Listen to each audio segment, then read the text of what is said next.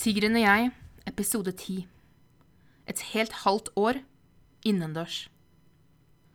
Forrige helg feiret jeg min 24-årsdag. Det var en rimelig rolig feiring med fint besøk. Jeg kom ikke unna det denne gangen heller. Angsten forsøkte konstant å få meg til å avlyse hele kalaset. Tigeren forsøkte å ta meg da jeg handlet inn til maten, mens jeg bakte pai, da jeg kjøpte nye klær, og da jeg egentlig skulle sove. Jeg måtte hele tiden slåss mot tankene om at bursdagen kom til å bli en stor fiasko. Jeg anvendte tsunamimetoden som Hertz Werschafe har utviklet. Tsunamimetoden går ut på å la angsten herje med deg i stedet for å kjempe imot.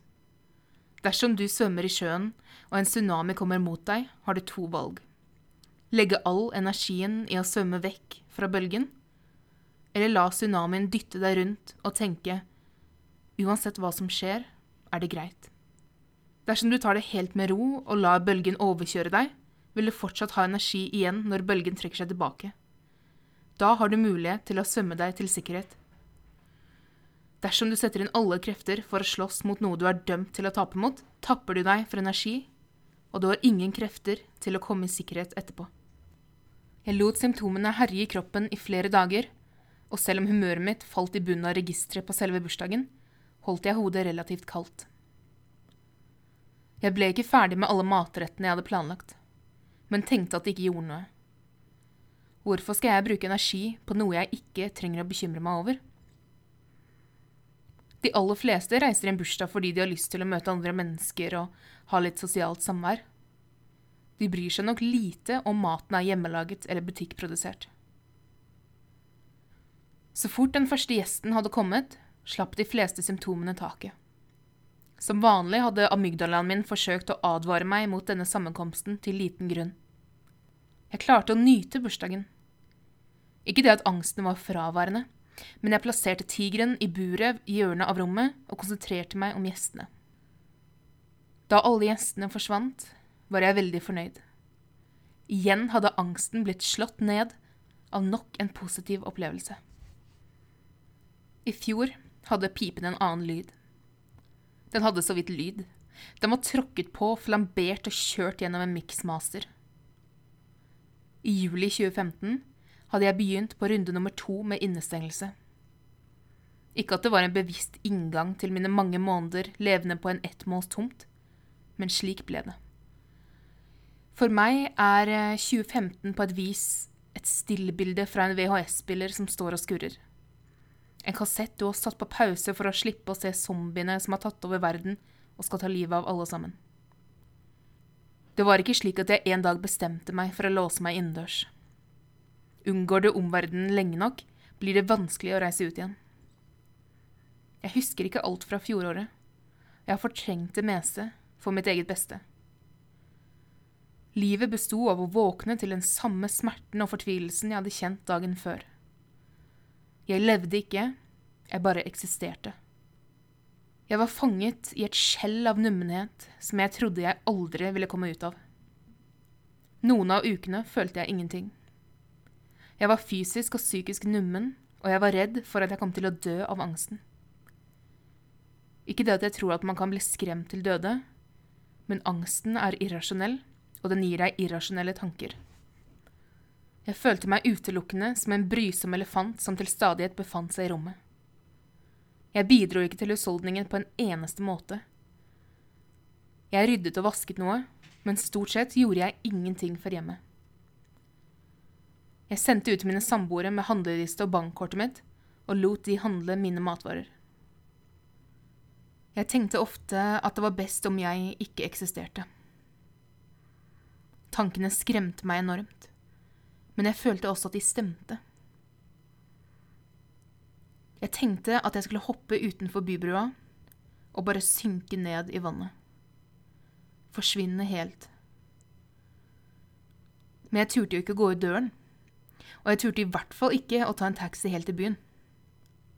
Det har aldri vært helt i min natur å skulle begå selvmord.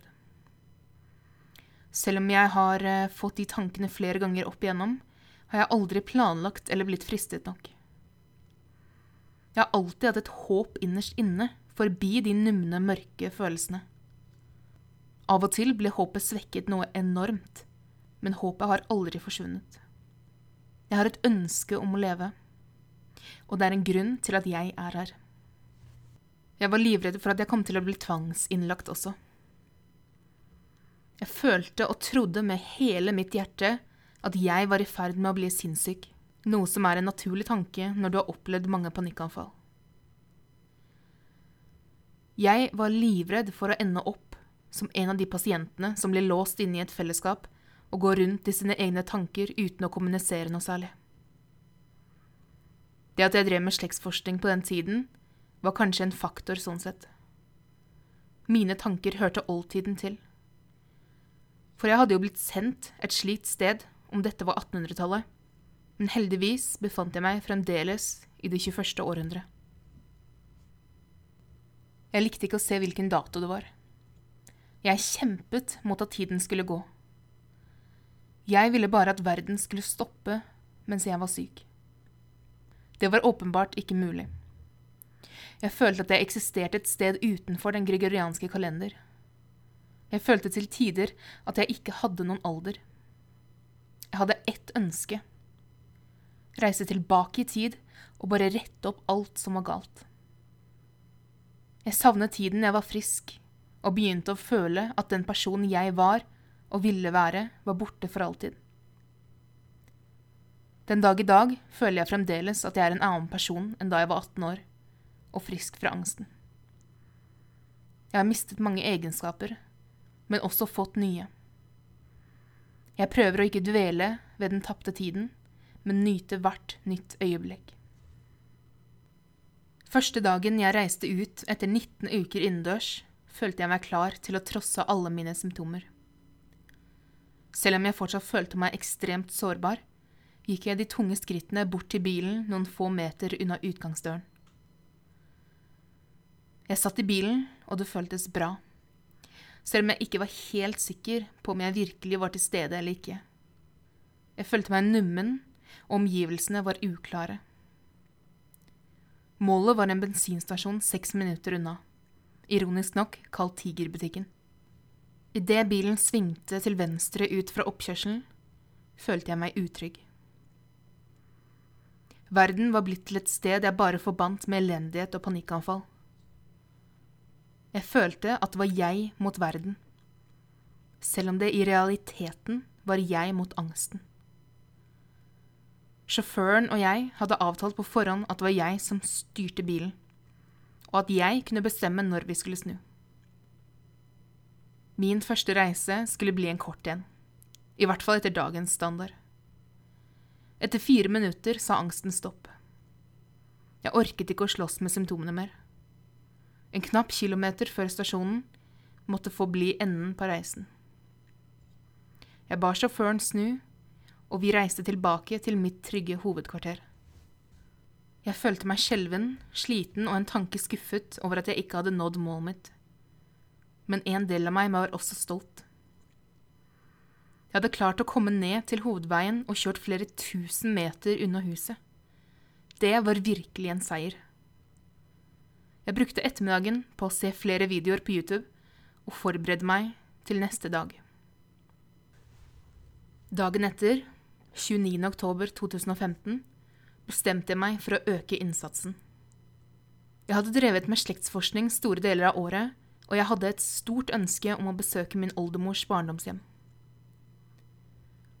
Det var ikke bare jeg som hadde en utfordring her. Barndomshjemmet lå 1,5 km inne i en skog der nesten ingen biler hadde kjørt siden 2006. Sjåføren hadde en stor oppgave ved å manøvrere seg inn på en traktorvei med få snuplasser. Jeg hadde snakket med min grandonkel, som fortalte at han hadde kjørt opp for et par år tilbake, men ikke helt inn til huset. Jeg visste at jeg aldri kom til å klare å gå helt opp til huset fra det vannet han hadde parkert ved. Blåøyde som vi var, passerte vi en øde, overgrodd sti av en vei langt inne i skogen. Et par ganger satte vi dekkene fast i gjørme, men vi kom oss fort løs igjen. Selv om sjåføren av og til mumlet at han var usikker på om vi kom til å komme oss ut fra skogen igjen, holdt jeg mine angstfulle tanker på avstand og lot tingene skje som de skulle skje. Vel inne i skogens herredømme parkerte vi en liten bakke unna huset. Jeg steg ut av bilen med angsten godt plassert i mine skjelvende ben, og begynte å gå opp en liten sti. Jeg hørte lyden av fuglekvitter. Det var en fugl jeg ikke hadde hørt på lenge, men mine fuglekunnskaper etter årevis i en aktiv fugleklubb var så godt som forduftet. Jeg følte en slags ro her, på tross av angstens jernhånd. Jeg følte på en måte at det var noe kjent med stedet. Da jeg kom 30-40 meter unna bilen, sa derimot angsten stopp igjen. Jeg klarte ikke å se huset, men sjåføren sa at det var rett i nærheten. Jeg forsøkte noen skritt til, men jeg måtte gi opp. Jeg ga sjåføren kameraet mitt og kjappet meg tilbake til bilen igjen. Jeg satte meg i bilen og satte på min trofaste podkast.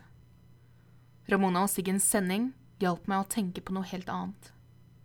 Jeg lærte at det ikke var farlig å utfordre meg selv den dagen. Jeg dro på min første butikktur rett etter turen i skogen, og jeg overlevde det også. Det var bare begynnelsen på en lang reise som jeg fortsatt er på. Tusen takk for at du lyttet til dagens podkast av Tigeren og jeg.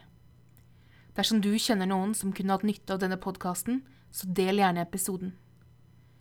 Du finner også Tigeren og jeg på Facebook og link til bloggen i beskrivelsen. Gi meg gjerne tilbakemelding på iTunes, Soundcloud, Wordpress eller Facebook. Besøk tigerenogjeg.com. Med ønske om en helt ok dag Tina.